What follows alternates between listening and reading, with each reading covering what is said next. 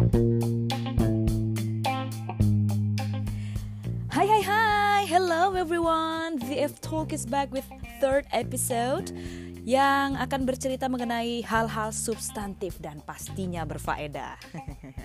Apa kabar semuanya? Ini masih hari Selasa, jadi aku harap semuanya masih semangat ya, masih semangat untuk terus produktif dan juga yang lagi berangkat kerja uh, semangat untuk kerjanya dan juga yang mau berangkat kuliah mungkin atau sekolah. Eh ada nggak sih sekolah jam sini? Eh, maaf ya udahlah. Pokoknya anyway, yang mau beraktivitas tetap semangat dan juga pastinya harus produktif ya, karena kalau misalnya ya sibuk doang tapi nggak produktif buat apa iya gak sih Oke, jadi ini udah hari Selasa, emang waktunya aku kembali dan hari ini tadi kalau misalnya kalian uh, melihat aku di sosial media di Instagram uh, @farhanisasm, hehe promo dikit gak apa-apa lah ya. Gitu. Nah, tadi pagi aku jogging, lari pagi gitu dan juga habis minum jamu karena memang ya mungkin kalau kalian yang udah tahu, aku adalah peminum jamu rutin dari kecil dengan hashtag geng jamu gitu. Memang uh, dari kecil udah minum jamu karena banyak banget manfaat yang aku rasain dari minum jamu seperti misalnya uh, nambah stamina dan juga detoksifikasi. Nambah stamina karena kalian tahu kegiatanku sehari-hari itu banyak sekali padat banget. Kadang-kadang bisa dari early morning karena aku siaran subuh gitu kan. Dan juga sampai malam gitu. Karena selain kegiatanku di kantor siaran aku juga banyak banget kegiatan sehari-hari. Dan juga yang kedua tadi detoksifikasi ya. Nah detoksifikasi ini ada hubungannya nih sama topik kita hari ini. Kenapa? Karena hari ini kita akan membahas tentang the TVR apa itu TVR toxic and venomous relationship. Nah, selama ini mungkin kalian sering dengar ya istilah toxic relationship. Eh, banyak banget dibahas mulai dari jurnal tentang itu, buku, podcast juga ada yang bahas dan mungkin bahkan eh, di Instagram banyak eh, banyak postingan atau di Twitter banyak thread tentang itu. Tapi kali ini beda karena aku menambahkan kata venomous gitu. Apa sih sebenarnya venomous itu? Nah, jadi kalau kita ambil dari segi bahasanya dulu ya.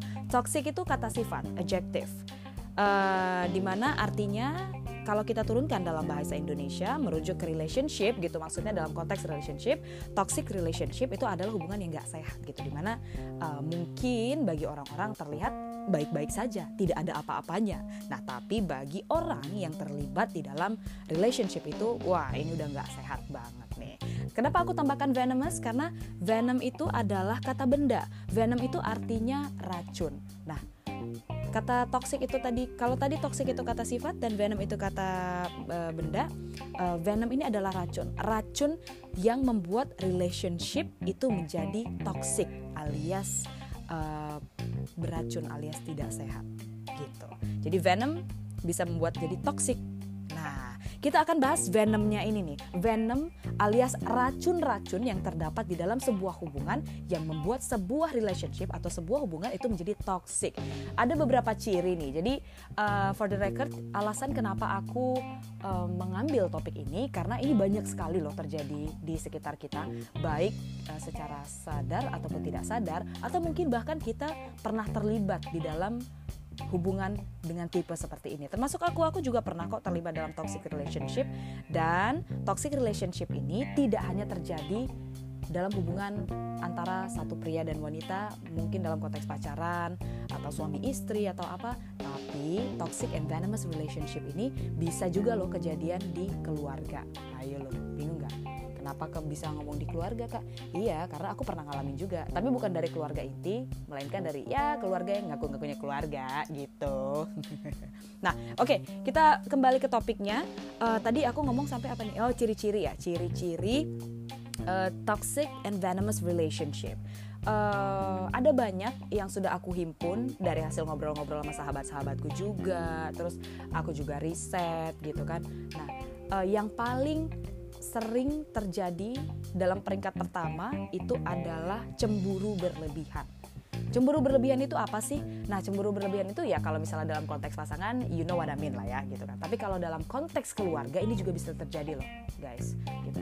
Jadi kalau misalnya dalam uh, konteks keluarga, cemburu itu bisa jadi karena prestasi salah satunya yang paling mungkin terjadi gitu ya. I'm not talking about only brothers and sisters, but also sepupu. Karena pengalamanku tuh juga kayak gitu, yang ngakunya sepupu sih sebenarnya, sorry. Jadi uh, secara secara apa namanya uh, akal sehat gak mungkin dong, masa iya keluarga sirik-sirikan gitu. Tapi ternyata kejadian, guys aku nggak tahu apakah kalian ngalamin itu apa enggak tapi aku ngalamin itu ketika ya kalian tahu aku dari kecil mungkin teman-teman sekolahku juga lebih tahu gitu. I'm a kid with excellence. Jadi my score are perfect everything is perfect gitu. Kayak semuanya uh, bagus dan membanggakan gitu alhamdulillah gitu. Nah ternyata ada yang nggak senang gitu. Dan itu datang dari lingkungan keluarga. Justru teman-temanku itu semuanya sangat senang gitu ketika misalnya aku mendapatkan nilai bagus mendapatkan prestasi oh mereka akan sangat support gitu wah gue gila lo fan keren lo gini gini, gini segala macam.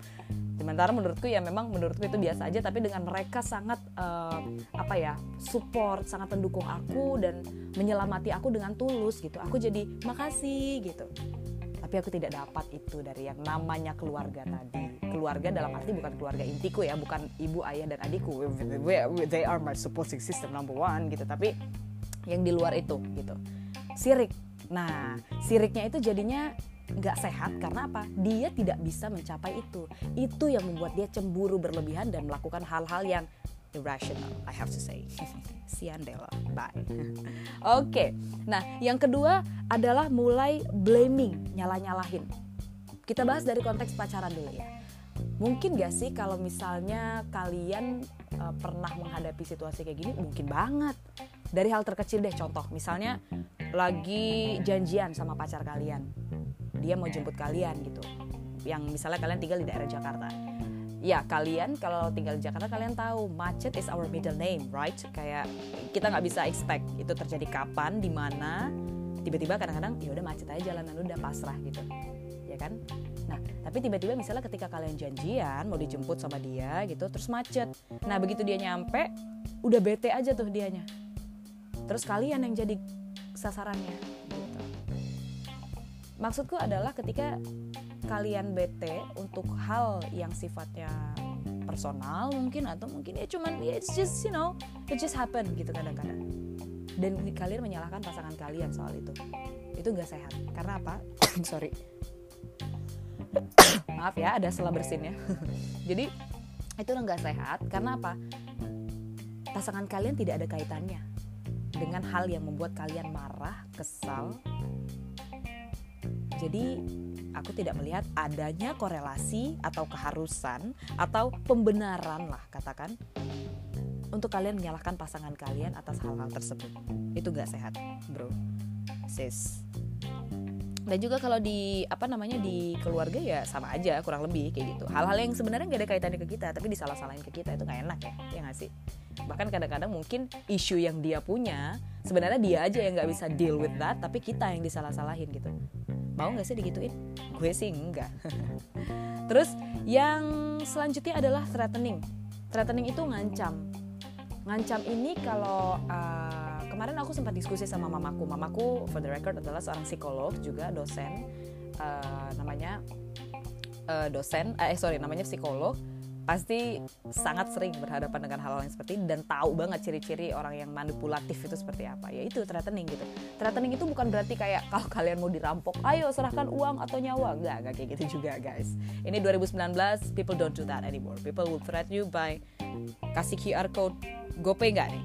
Kalau nggak gue ambil itu threatening 2019 4.0 everyone 4.0 jadi uh, threatening. Dia mengancam akan misalnya melakukan ha suatu hal yang buruk kepada kalian atau mungkin dalam konteks relationship mengancam akan putus atau yang udah menikah mungkin cerai gitu. Intinya ngancam. Pertanyaanku adalah dalam hubungan wajar gak sih kalau kamu diancam-ancam? Setahu aku, orang yang suka ngancam itu perampok, kriminal. Ya kayak tadi yang di, di sebelumnya sempat aku bilang, serahkan uang atau nyawa gitu kan. Karena apa? Yaitu mereka adalah orang-orang yang merasa harus mengancam untuk mendapatkan sesuatu. And it's not good. Kalau misalnya kalian mau mendapatkan sesuatu, ya usaha komunikasiin mungkin kalau dalam konteks relationship nggak dengan ngancam coy nah Terus uh, selanjutnya adalah kompetitif. Loh, kenapa kompetitifan? Kompetitif dengan kadar yang wajar, yang cukup itu bagus. Even in the uh, in the relationship ya, dalam bahkan dalam konteks misalnya hubungan pacaran gitu. Kompetitif sedikit itu nggak masalah gitu. Kompetitif dalam arti gini, masing-masing kita kan punya aktivitas ya, mungkin kerjaan juga gitu. Contohnya aku deh, nggak usah jauh-jauh gitu aku sebagai uh, news anchor, journalist, ada fieldnya sendiri dan pacarku punya fieldnya sendiri gitu. Dan dia juga berprestasi di bidangnya gitu. Dia juga terkenal baik, punya reputasi yang bagus di bidangnya gitu, di bidang finance. Dan apa namanya? Kadang-kadang prestasi yang dia lakukan, buat aku ya, pencapaian atau hasil baik yang dia lakukan kan pasti kita share dong gitu kan. Eh aku habis gini-gini gitu kan.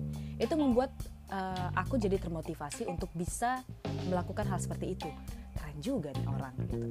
Problem solvingnya mungkin bagus gitu dari dia cerita gitu. Jadi sehingga dia dapat uh, apa namanya penghargaan mungkin dari atasannya gitu. Dapat appraisal atau apa. Itu menjadikan aku termotivasi gitu untuk bisa melakukan hal yang terbaik juga. Ketika misalnya aku memiliki uh, hambatan di bidangku gitu yang kurang lebih sama gitu sama cuma mungkin konteksnya beda gitu. Itu yang membuat aku jadi termotivasi. Nah tapi kalau terlalu banyak dan ini biasanya ya biasanya ini adalah root atau akar dari masalah yang paling besar yang bisa merusak atau menghancurkan satu hubungan.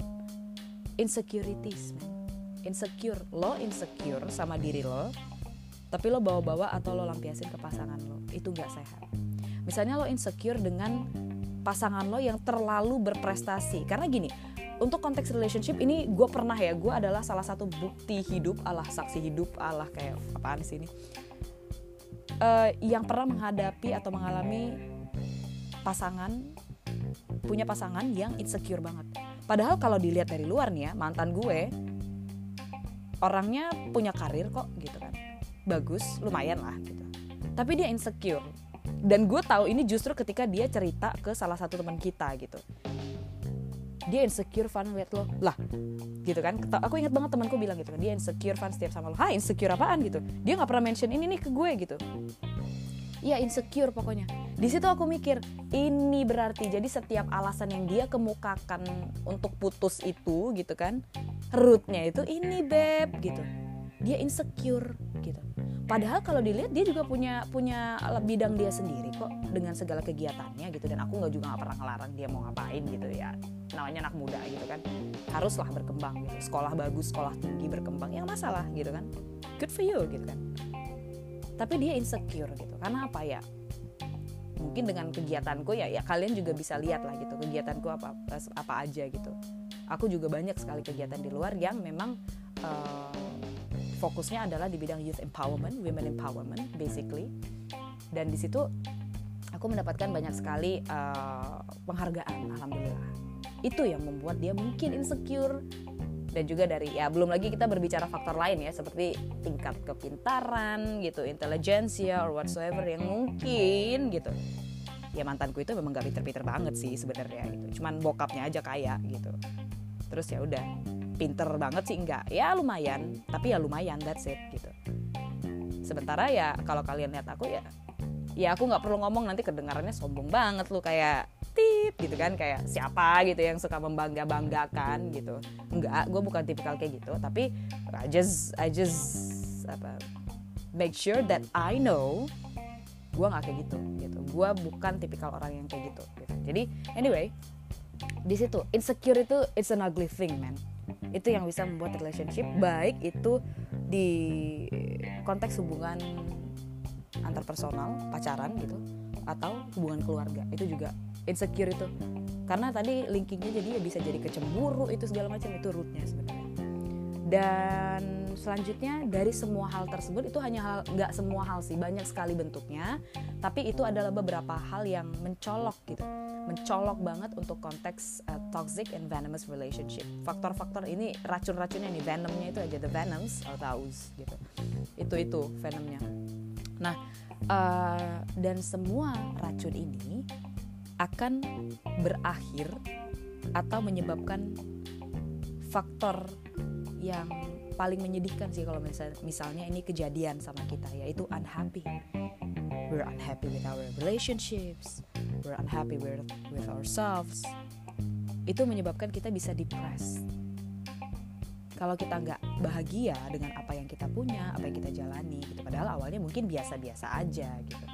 Tapi ya siapa sih yang mau uh, dirinya harus menjalani atau mengalami situasi yang terus-menerus bikin dia nggak happy? Capek gak sih? Kita setiap hari punya kegiatan, yang kerja punya kerjaan, yang kuliah punya tugas dan lain-lain yang sekolah juga punya gitu capek nggak sih kalau misalnya harus terus menerus faking things faking yourself padahal di dalam kita ngerasa nggak happy kita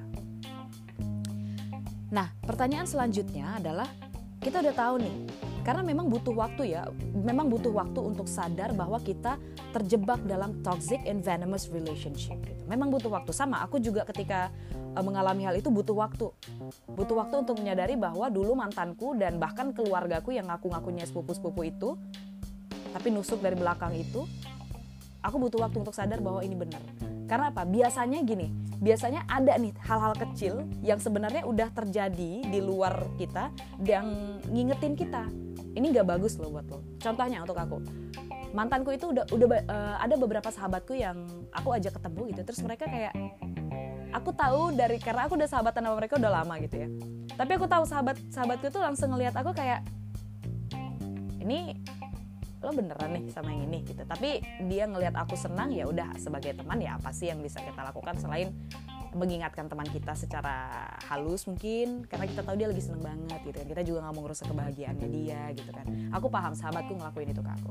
Dan yang paling penting adalah keluarga nih. Untuk yang si si keluarga backstabber tadi itu misalnya.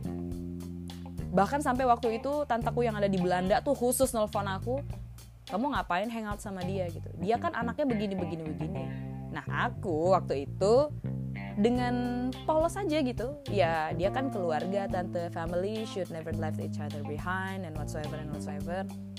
Tapi ya banyak yang ngingetin. Bahkan mamaku juga ngingetin waktu itu. Tapi menurutku aku tahu gitu kan tapi ternyata ya udah kebukti aja. Emang mereka udah hidup lebih duluan dari aku kali ya. Jadi udah tahu nih ini anak nggak bagus gitu ngapain Van? Gitu. Lo anak baik lo anak ini ngapain lo sama dia gaul gitu? Ya udah. Tapi aku nggak apa namanya aku nggak sadar waktu itu. Sampai akhirnya ya waktu emang bener. Jadi makanya waktu yang membuat kita sadar dan itu uh, butuh waktu. Dan setiap orang tuh berbeda-beda gitu. Nah, tapi ketika misalnya kalian sudah mulai punya kesadaran tentang ini dan kalian bingung nih, gimana sih kak cara keluarnya gitu? Gimana sih Mbak Van gitu? Nah, kalau aku uh, ada beberapa hal yang mungkin bisa aku sampaikan untuk bisa membantu kalian.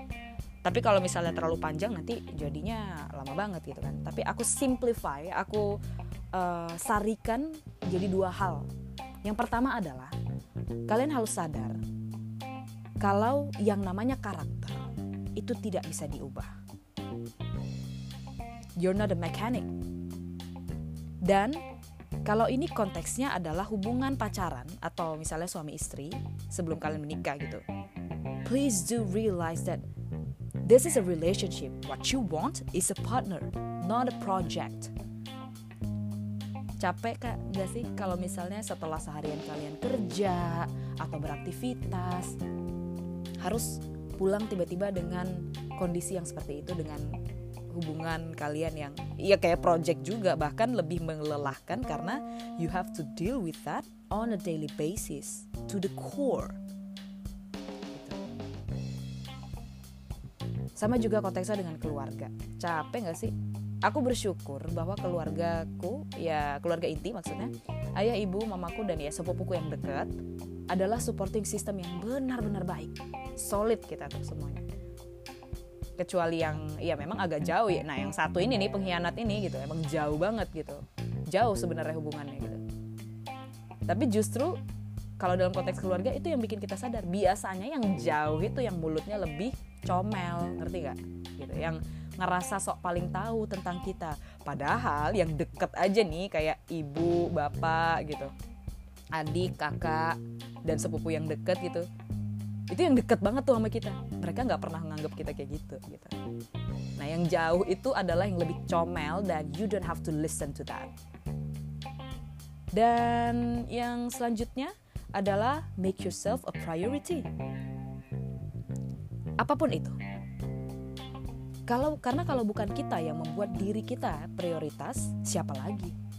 Untuk konteks relationship you have to girls you have to realize or boys you have to realize that No other people are more important than yourself. Jangan pernah menempatkan pasangan kalian di atas diri kalian ya untuk pacaran, untuk hubungan pacaran ya. Kecuali kalau kamu perempuan misalnya atau laki-laki yang sudah menikah, ya pasangan kalian berhak kalian tempatkan di atas diri kalian karena it takes two to tango. Jadi namanya hubungan suami istri itu konteksnya udah beda. Tapi aku berbicara dalam konteks hubungan pacaran nih. Gak ada yang lebih penting dari diri kalian kalau misalnya pasangan kalian udah mulai melakukan manipulatif tadi itu dan juga udah mulai apalagi fisik worse amit-amit jabang bayi gitu. Exit aja bro brexit aja udah langsung gitu. Itu udah udah nggak sehat. Dan kalau misalnya kalian masih berpikir atau ingin mau cari-cari tahu gitu kan mau cari-cari tahu kenapa sih sebenarnya gini gitu ada baiknya juga kalian lihat karakternya. Kalau dia tetap melakukan itu, berarti emang udah karakter. Tapi kalau memang ada hal-hal yang membuat dia apa namanya uh, tiba-tiba bertindak atau bertingkah seperti itu, bisa jadi ya mungkin dia dipengaruhi orang lain gitu teman-temannya atau apa ya kita kan nggak pernah tahu mungkin uh, lingkungan dia juga toxic juga toxic environment juga gitu. Kalian juga harus perhatikan faktor itu. Dan selain memperhatikan dia kalian juga harus memperhatikan diri kalian sendiri untuk menghadapi situasi ini situasi toxic environment relationship because kadang-kadang nih justru kita semua udah sadar nih gitu. Udah sadar nih tanda-tanda yang aku sebutin ini udah kejadian banget udah dialamin banget kita tuh udah sadar dan kita udah we know what to do actually yaitu Brexit gitu kan. Break break the relationship and exit maksudnya ya. Brexit dalam konteks ini istilahku adalah break the, the relationship and exit. Nggak berani Brexit karena apa? Nggak pede kitanya. Kita nggak pede atau kita insecure bahwa kita tidak akan mendapatkan pasangan yang menurut kita lebih baik dari dia. Nah, kalau masalahnya di situ, aku sarankan adalah balik lagi ke awal tadi. Ke awal banget maksudnya ke awal banget. Find your jamu. Jamu is an antidote. Jadi find your cure to yourself kalau misalnya kamu nggak pede untuk meninggalkan situasimu yang sekarang. Karena apa pun itu, nggak ada manusia yang berhak untuk nggak senang. Eh tunggu, nggak ada manusia yang berhak untuk nggak senang. Iya benar. Semuanya harus everybody deserves to be happy. Everybody deserves to reach or aim for happiness. Dan caranya happy gimana? You know what they say? Everything starts from within. Because what looks good from the outside starts from the inside, darling. So find your jamu, find your antidote, and be happy. Karena yang paling bisa melawan virus toxic and venomous relationship ini adalah be happy. So that's it for today's VF Talk episode 3. Don't forget to subscribe. Eh no subscribe, follow, follow me on Spotify. Dan setiap hari Selasa akan ada topik baru yang kita diskusikan. So this is Farhani Sanasution signing out. I'll see you on the next DF Talk. Bye bye.